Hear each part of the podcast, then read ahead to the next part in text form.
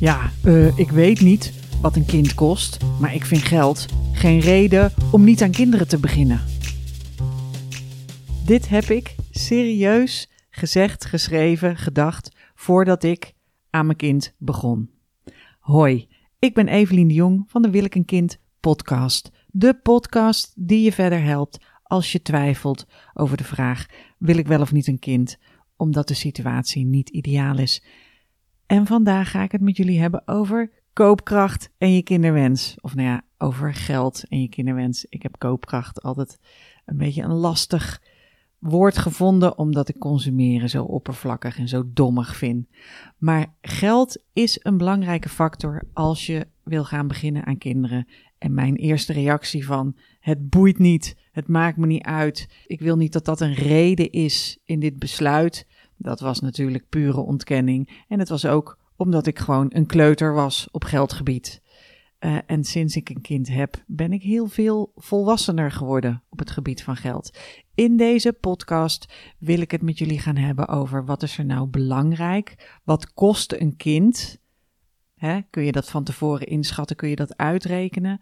Wat is er belangrijk als je nadenkt over je kinderwens en je koopkracht of je geldsituatie? Hoe kun je financieel onafhankelijk zijn en hoe doen andere mensen dat met geld? Waar kun je allemaal aan denken? Ik begin met NOS Journaal opende afgelopen week in januari 2022 met een item van een dame die in Amsterdam een appartement huurde, werkte, best wel hard werkte, 40 uur per week en nam ze de telefoon op en hielp ze mensen met pech onderweg. En in het weekend werkte ze ook nog, gaf ze theaterles aan kinderen. Ze was van huis uh, uit actrice. En zij kon niet rondkomen van haar salaris. Dus dit is de werkende klasse die in armoede verkeert. Uh, en dat is een gegeven tegenwoordig. Zij ging naar een voedselbank. Zij woonde samen met iemand in een appartementje. Ze was 34 en ze betaalde 1200 euro huur. Ik verbaas mij er nog steeds over hoeveel mensen in Nederland, in Amsterdam, absurd, gewoon absurd, hoeveel mensen moeten betalen aan huur en waar al dat geld heen gaat. Het geeft zoveel stress, alleen al om in de stad te kunnen wonen en dan heb je dus nog niks gegeten. Dan ben je al 400 euro per week kwijt.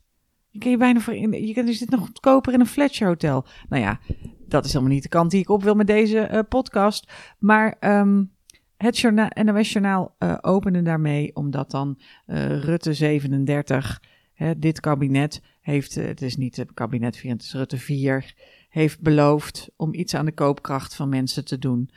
Econoom slash filosoof Piketty, uh, Piketty, ik weet niet hoe je de, waar je de klemtoon legt, heeft al gezegd in een boek over het kapitaal van de 21ste eeuw dat werken minder loont dan het hebben van geld. Je kunt beter geld hebben om geld te maken dan aan het werk zijn voor geld. En dat is natuurlijk een hele kwalijke situatie. Even iets meer over mezelf. Ik kom uit een familie van ambtenaren. Uh, mijn vader was ambtenaar, mijn moeder werkte in een gezinsvervangend tehuis. Zijn nou allebei gepensioneerd en zeer welgesteld. Dat komt omdat ze steeds een huis gekocht hebben en verkocht hebben en een groter huis gekocht hebben. En nu wonen ze uh, comfortabel in een bungalow en uh, hebben ze een goed pensioen.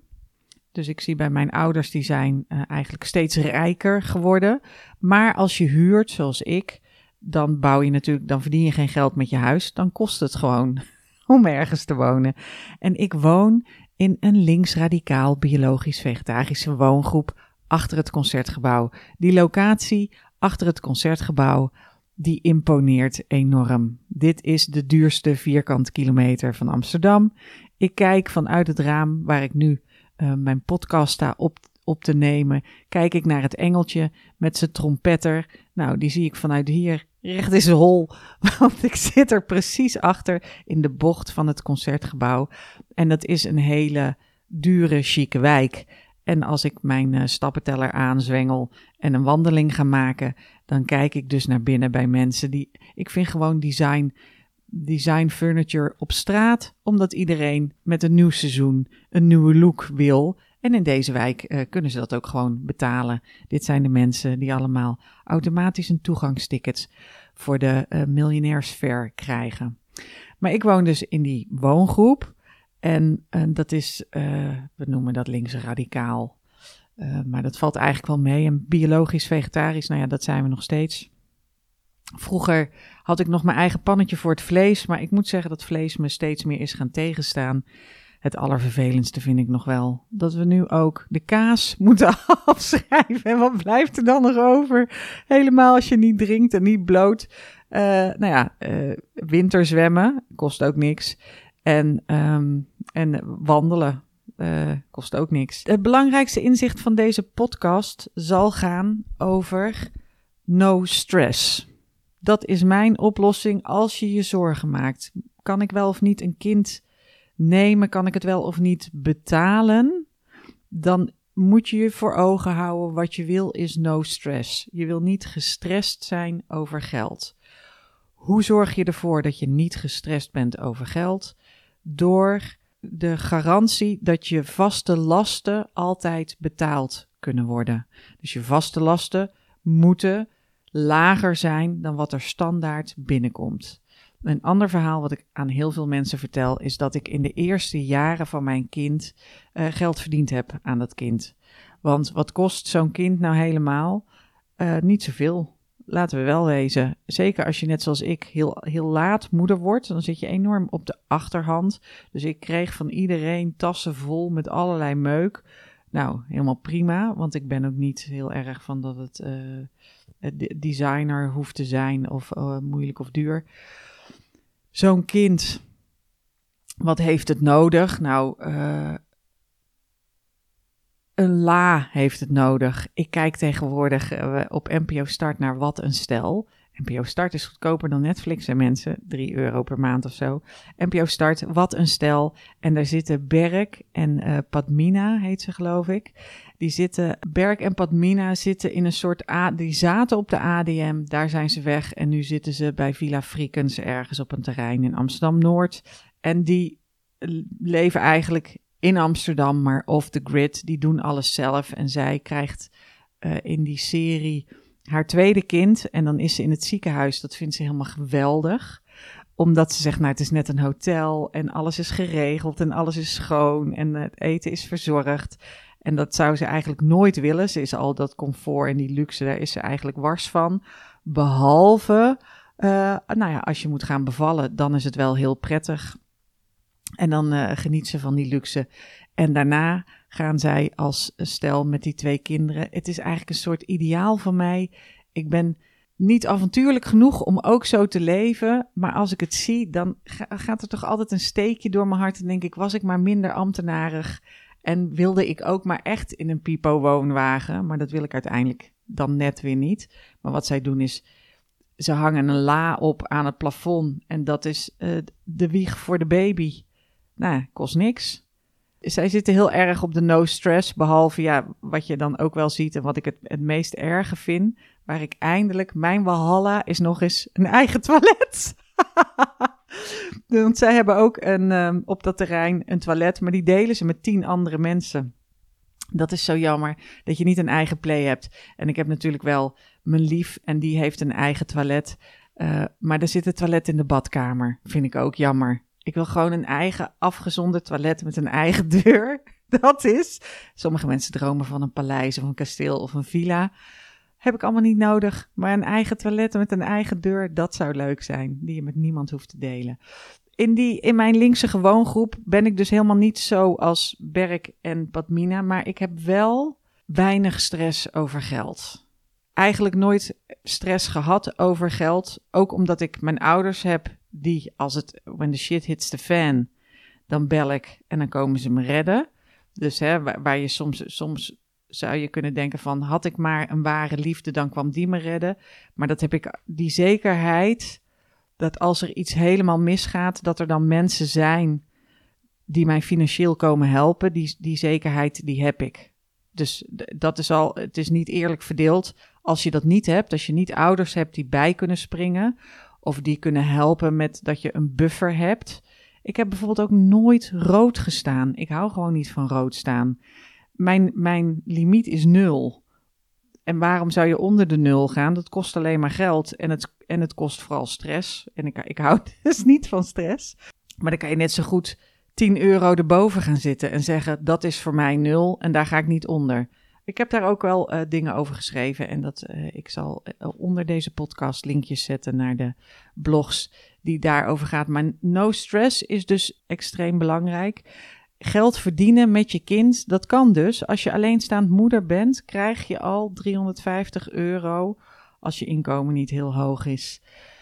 De kinderopvang, dat kun je checken op toeslagen.nl.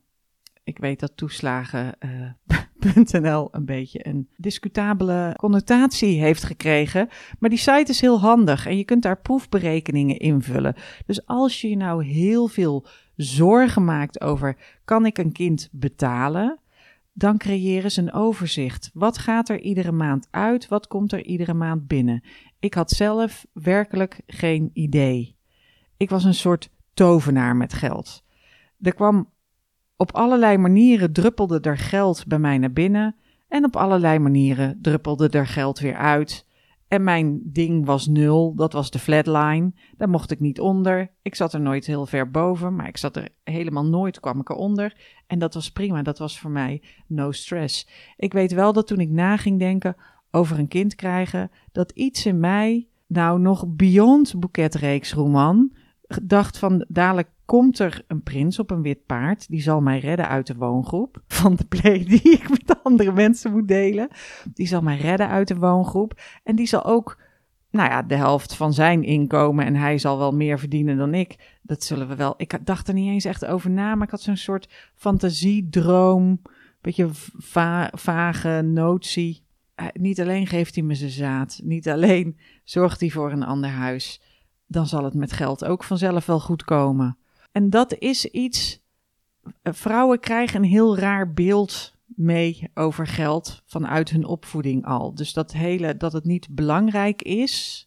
Dat is natuurlijk iets van mijzelf. Mijn zusje is bijvoorbeeld uh, heeft dezelfde opvoeding genoten, maar is heel goed in sparen en is heel goed in. Nou ja, ze krijgt gewoon een salaris, dus is niet zelfstandig ondernemer, maar in opzij zetten en potjes die gaat er heel anders mee om dan ik. Dus het is ook een karakterding. Het is niet alleen opvoeding. Maar ik heb wel geld altijd gezien als iets wat. Uh, nou, dat komt misschien toch ook wel. Ik heb die Koningstheateracademie gedaan. En dan zit je in die kunstenaarssector en in de cultuursector. Vrienden van de Kunstacademie. En daar werd toch. Geld was eigenlijk datgene wat je corrumpeert. The Fountainhead van Ayn Rand is een boek dat dat heel duidelijk laat zien. Het gaat over Rogue, een architect die het liefst zijn eigen kunst maakt, zijn eigen huis helemaal in de essentie van wat dat huis zou moeten zijn, heel wezenlijk. Maar ja, goed, als je architect bent, moet je ook gewoon doen wat je klanten van je vragen en wat je opdrachtgever van je verlangt. En hij krijgt dan een soort tweestrijd. En dat zit in een soort van meegenomen, dat geld was vies. En die hele woongroep nou ja, daar woon ik nu al 21 jaar. Dat helpt natuurlijk ook niet. Veel van mijn vriendinnen zeggen dat ik links geradicaliseerd ben. Ik ben nog steeds voor een basisinkomen. Ik vond bij de corona-uitbraak, toen uh, veel mensen tijdelijke ondersteuning, zelfstandige tozo kregen. Dat was voor heel veel mensen een uitkomst. En eigenlijk ook een soort basisinkomen, waardoor ze dus minder stress hoefden te hebben. Nu duurt het allemaal wat langer. Is het veel ingewikkelder. Maar dat is van de ene kant is dat dus misschien mijn persoonlijke ontwikkeling. Of nou ja, meer bijna professionele ontwikkeling. Dat je als cultuurwetenschapper en in de. Eh, als je gaat leven voor de kunsten en in het theater, dat je denkt geld is een noodzakelijk kwaad. Ik ben nou 48, moet je er even bij denken. Hè? Dus het is al langer geleden. Maar ik weet niet of dat beter wordt. Want wij hebben hier de uh, monopolie voor millennials liggen. die kopen niet eens meer huizen of straten. Die kopen alleen maar een um, uh, ervaringen, kopen ze. Ja, meer kunnen ze ook niet betalen. Voor millennials is misschien uh, het probleem nog wel groter. Maar voor mij als 48-jarige, wij keken Sex in the City. Sex in the City gaat over Carrie, die columns schrijft en in een appartement woont in het centrum van New York en alleen maar designerkleding koopt en cocktails zitten slempen op een straathoek. Maar waar ze dat van doet, nobody knows. Heel raar. En het is gewoon niet realistisch. Net zo goed als Barbie ook heel lang niet realistisch was. Want die had een figuur, daar konden helemaal geen ingewanden in. Dat is helemaal niet levensvatbaar. En zo zijn er wel meer dingen waarvan ik denk het is niet realistisch. En dat de ware jou komt redden en uh, ook zorgt dat je voldoende financiële armslag hebt om voor een kind te zorgen, dat is ook niet realistisch. Of je nu solomoeder wordt of het samen gaat doen, of co-ouderschap, of geen kind krijgt, je moet je geldzaken sowieso zelf goed regelen. Dat is een groot inzicht in mijn leven geweest, dat je niet ook nog denkt, ergens als vrouw van, het is gewoon sexy dat ik niet weet hoe ik met geld om moet gaan, want het is lekker vrouwelijk. Ik heb geen idee. Uh, ik ben blij dat ik er van af ben. Uh, ik heb heel hard, heel hard gewerkt en ook geïnvesteerd in mijn money mindset. Stellen hebben in een kwart van de gevallen gedoe over geld. Als je solo-moeder wordt, wil je niet in je eentje gedoe over geld. Er stond een stuk in NRC pas en daar schaf de voorlichter van het Nibud. Dat is overigens een andere handige site. Als je meer wil weten over je eigen financiële situatie, over wat je zou moeten hebben als buffer. Wat als er iets kapot gaat. En dat is bijvoorbeeld anders dan voor iemand met een auto dan voor iemand zonder auto. Uh, het is anders als je in zo'n woongroep woont. Wij sparen omdat we af en toe een nieuwe wasmachine of een nieuwe koelkast moeten hebben. Maar wij sparen met acht volwassen mensen. Nou, dat gaat heel anders dan wanneer je dat in je eentje doet. En het Nibud heeft daar allerlei handige rekentools voor. Dus dat is een handige site. Toeslagen.nl, Nibud. En ook, um, er is ook een, een site, uh, Mijn Pensioen waar je kunt kijken, maar dat is misschien omdat ik nou tegen de 50 begin te lopen, 48, dat je daarover na begint te denken. Maar het is goed om daar eens onderzoek te doen. Stellen in NRC verdeelde de financiën op vier, maar ze hadden vier manieren om samen het geld te, te verdelen. Kijk, mijn vriend en ik hebben heel duidelijk ieder ons eigen huishouden. Dus hij woont in een ander huis, ik woon in mijn eigen huis en ik heb mijn huishouden hier met de woongroep. Degene die overzicht moet hebben, degene die inzicht moet hebben, degene die uh, de boeken controleert, degene die ziet wat er binnenkomt en of dat het goed of slecht gaat, dat ben ik. Er is maar één iemand verantwoordelijk, dat ben ik. Dat ik geld verdiende met mijn kind is omdat je in het begin alleenstaande ouderkopkorting is gewoon geld wat je ontvangt. Ik weet niet waarom ze er zo'n rare naam aan hebben gehangen. Je krijgt zorgtoeslag, je krijgt kinderopvangtoeslag, je krijgt kinderbijslag, maar dat is helemaal niet zoveel. Dat is geloof ik 200 euro per kwartaal of zo. Uh, komt er ineens weer wat geld bij. Maar alles bij elkaar komt er best wel wat geld binnen. En als je niet heel veel geld kwijt bent aan je huur, wat dus heel lastig is, maar als je niet heel veel geld kwijt bent aan je huur, hou je dus voldoende over om gewoon op terrasjes te kunnen zitten en een koffie te kunnen bestellen als de terrasjes weer open zijn. Stellen konden hun financiën op vier manieren verdelen. Get to the point, Evelien, hier komt hij. Terug naar het stuk over stellen in NRC. Daar zegt die voorlichter van het Nibud: er zijn vier manieren om als je samen een huishouden vormt of een gezin vormt, ongeacht dat je nou he, samen woont of dat je je vriend als donor vraagt of dat je stiefkinderen hebt waarvoor gezorgd moet worden. Het zijn vier manieren om je geld te verdelen. Het eerste is naar verdiensten. Dus de een verdient 5000, de ander verdient 1000. Je kunt zeggen we doen allebei 50%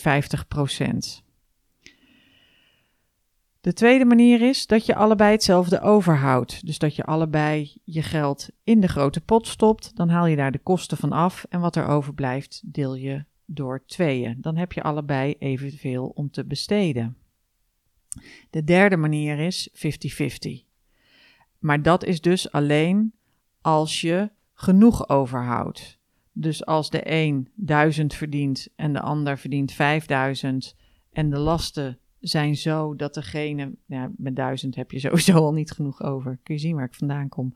Um, maar dus 50-50 delen van de lasten kun je dus eigenlijk alleen doen als je allebei dan daarna nog genoeg geld overhoudt. En je kunt ook, als je als stel de, stel de een heeft een huis en de ander komt, er, komt erbij, dan kun je kostgeld betalen. Ik heb veel vriendinnen meegemaakt die, die een romantisch beeld van geld hebben. Ik heb een paar jaar geleden nog een vriendin gehad die heel veel voor haar man betaald had. Zij waren getrouwd, ze hebben kinderen, ehm, ze zijn inmiddels gescheiden, maar zij heeft ten tijde van het huwelijk heel veel betaald. Aan de hypotheek en de vaste dingen, dat ging allemaal vanzelf. Dat ging vanzelf dat geregeld. Maar wat er niet geregeld was, dat pikte zij op. Ze had een hele oké baan, er kwam genoeg binnen. En zij heeft eigenlijk jaren het eetgeld betaald, de kleding van de kinderen. Eigenlijk alles wat geld is dat gewoon verdwijnt. Kleding, eten, dingen in de tuin, cadeautjes voor anderen. Al dat soort dingen betaalde zij allemaal. Ze hield hem een beetje uit de wind omdat hij uh, nou, uh, zichzelf wilde ontwikkelen en bezig was met andere dingen en een bedrijfje opzetten, een boek schrijven en van alles en nog wat. Uiteindelijk kwam het tot een scheiding en was hij helemaal niet financieel aardig voor haar. Eh, best een grote les geweest en een belangrijke levensles. En dat, heeft, dat, dat schudt je wakker, maar wel te laat. Ik weet ook nog van een vriendin die weg was bij haar vriend. En wij waren aan het koken en ik zei, waar is je? We maakten puree en ik zocht de stamper. En dat ik zei, maar waar is je stamper? En toen zei ze, nou die heb ik niet, die ligt nog bij mijn vriend in huis. Ik zeg, maar waarom heb je dat bij je vriend in huis laten liggen? Die kookt helemaal niet. En toen zei ze, ja, maar ik vind het zo zielig voor hem als die lades helemaal leeg zijn. Nou, dat is de beste illustratie voor hoe vrouwen nadenken over lief zijn en zorgen voor iemand, terwijl dat soms helemaal niet. Ik weet zeker dat die vriend nul keer de la heeft opengetrokken. Nul keer. Die was puissant rijk, die bestelde gewoon eten. Dus die ging helemaal niet in een la lopen rommelen. En daar dan een puree-stamper uh, uitpakken. En wij hadden wel de nadelen ervan, want wij wilden onze peenstamp eten. En, uh, en de stamper was er niet. Die manieren voorstellen naar verdiensten, dat is één. Hetzelfde overhouden, twee. Of 50-50. Of de een betaalt de ander kost geld. Dat zijn dingen waar je over na kunt denken. Ook als je gaat denken aan co-ouderschap, is dat over geld praten, het losmaken van de emotie en er gewoon zakelijk over bezig zijn, is heel belangrijk. Ik heb een tijdje gedate met een leuke, aantrekkelijke homo van hier om de hoek. Zoals uh, ik net al zei, uh, in de concertgebouwbuurt. Puissant rijk. Puissant rijk, die man. Dat vond ik er aanvankelijk heel leuk aan. Want wij gingen daten voor de kinderwens. En ik nam een vriendin mee en wij gingen een boottochtje maken met de Riva. En bubbels en chablis en champagne. En het kon allemaal niet op. Er slingerde overal kunst in huis. Het was, ergens was het geweldig. En ik dacht, oh, dit is makkelijk. Dit is handig. Is eigenlijk een beetje dat beeld van die ware liefde die mij uit die woongroep zou redden. Behalve dan dat wij dan samen een kind zouden krijgen en dat ik helemaal niet helemaal gered zou worden. Maar voor mijn kind had ik wel een comfortabel oud-Zuid bedje gecreëerd. Tot ik daar op een dag, weet ik nog goed, zat ik hier in de woonkamer een beetje naar buiten te kijken. En toen kwamen er een beetje zo van die patje peers voorbij, uh, dikdoenerige uh, kraagjes omhoog, sjaaltjes types. En ineens besefte ik mezelf dat het verschil te groot was dat het verschil te groot was tussen mijn huis en mijn manier van leven en zijn huis en zijn manier van leven. En dat het verschil te groot was ook als er problemen zouden komen. Want dan legt hij ineens veel meer gewicht in de schaal. En is het voor mij heel moeilijk om daartegen op te boksen. Alhoewel, als je goede uh, familierecht, advocaten, vriendinnen hebt, dan kun je natuurlijk toch wel een rake klap uitdelen. Maar het, voor het kind zelf leek het me ook al niet prettig. En hetzelfde speelde toen ik ging kijken naar scholen voor mijn kind, basisscholen gewoon.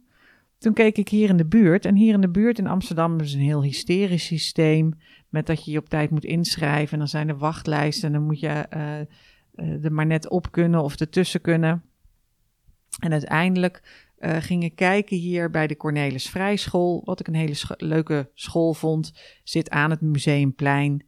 En die kende ik van mijn werk bij het Cobra Museum. Want als je bij het Cobra Museum een wedstrijd uitschreef voor basisschoolkinderen, dan waren zij de eerste die reageerden.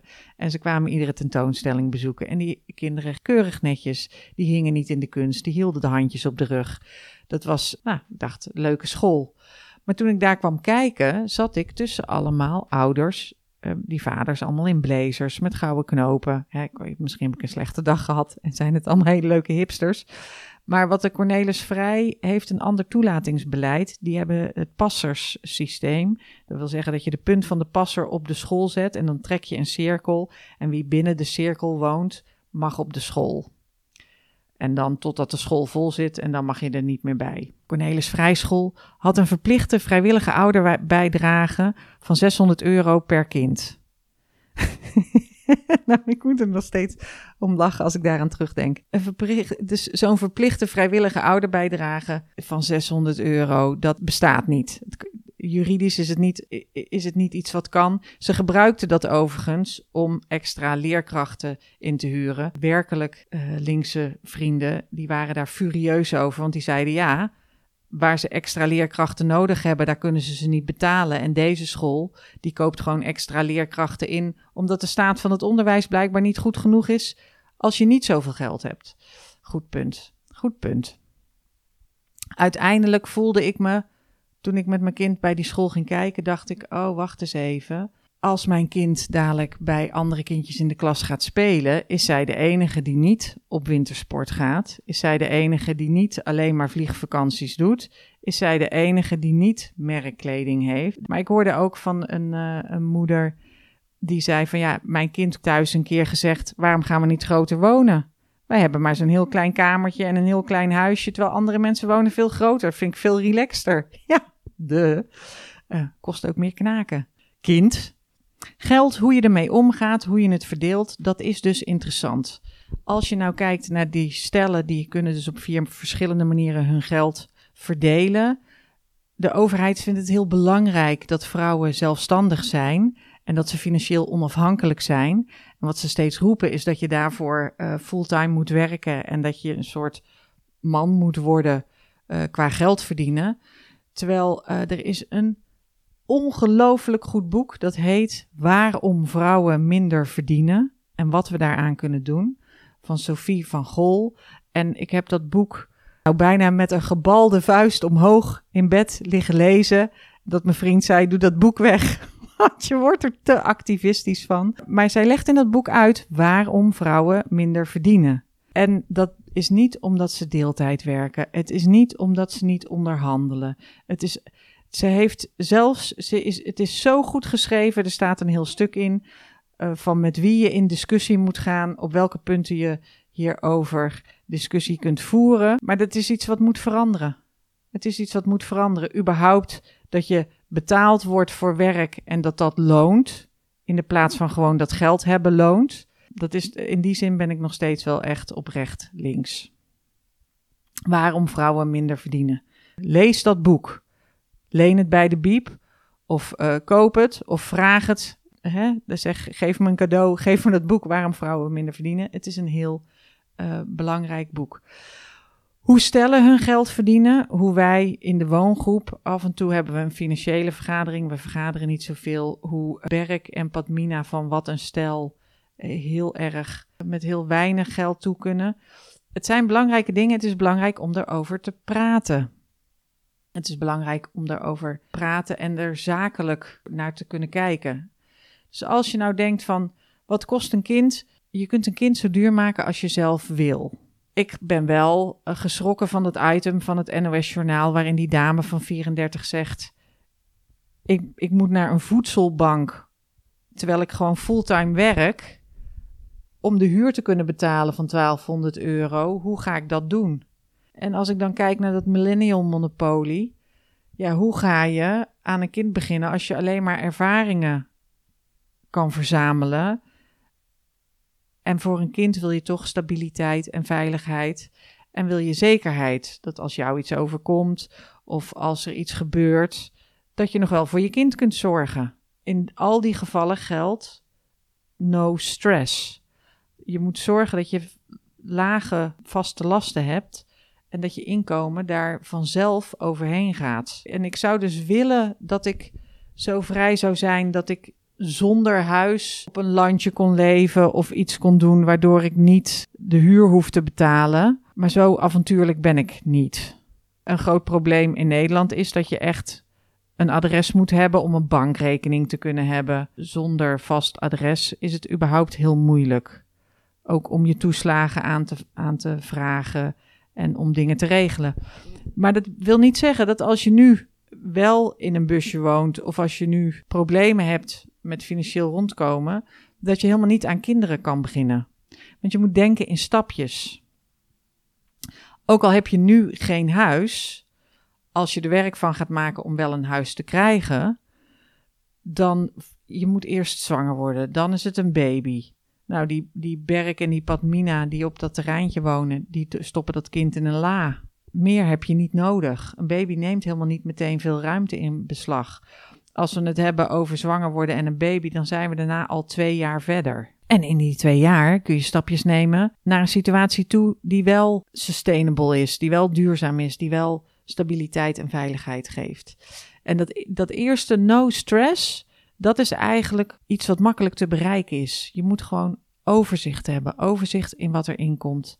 Overzicht in wat er uitgaat. Eigenlijk als je dat overzicht hebt, dan begint het al, uh, dan begin je al inzicht te krijgen. En als je dan ook nog met dat overzicht een proefberekening invult op toeslagen.nl, dan weet je een beetje wat je te wachten staat. En dan kun je ook nog zeggen van ja, maar ik wil de situatie ideaal hebben voor een kind. Of ik vind het zielig als mijn kind niet de nieuwste kleren aan heeft. Of als mijn kind niet mee kan komen met de rest. Het is ook maar met wie je je vergelijkt. Ik was naar een, een lezing hierover in Paradiso. Ik weet niet meer, Joris Luijendijk. En er was, die had een bankier uitgenodigd die die interviewde over veel geld hebben en steeds meer geld wilde verdienen. En die bankier die zei ik begon helemaal niet met graaien of met veel geld willen hebben.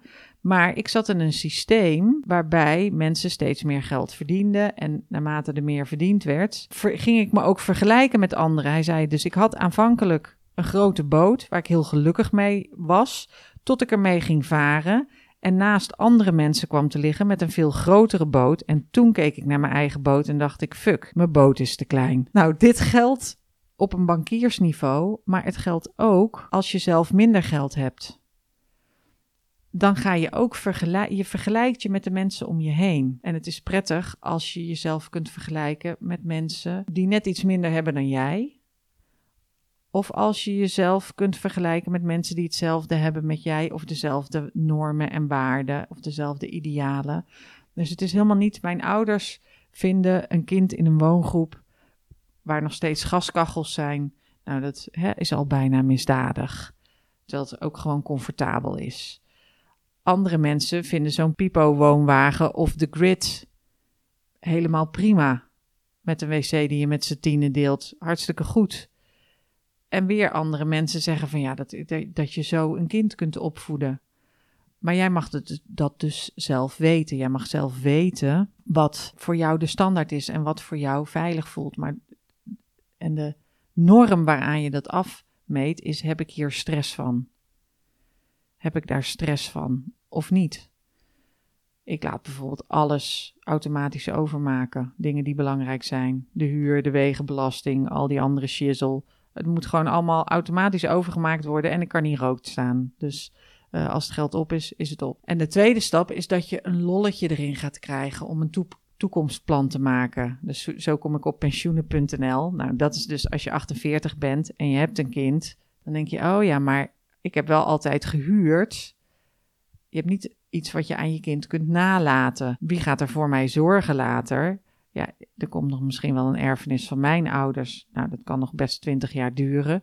Maar hoe heb ik dan mijn pensioen geregeld? En dan wordt het een lolletje om dat toekomstplan te maken. Nou, wat kost een kind? Ik, misschien hadden jullie gedacht, ik hoop dat ze gewoon duidelijk zegt, dit is wat een kind kost. Ik meen serieus dat ik in het eerste jaar, denk ik, geld verdiend heb op mijn kind. De grootste kostenpost van mijn dochter in het eerste jaar na de geboorte, de luiers. Luiers moet je altijd in bulk kopen als ze in de aanbieding zijn. Luiers was de grote kostenpost.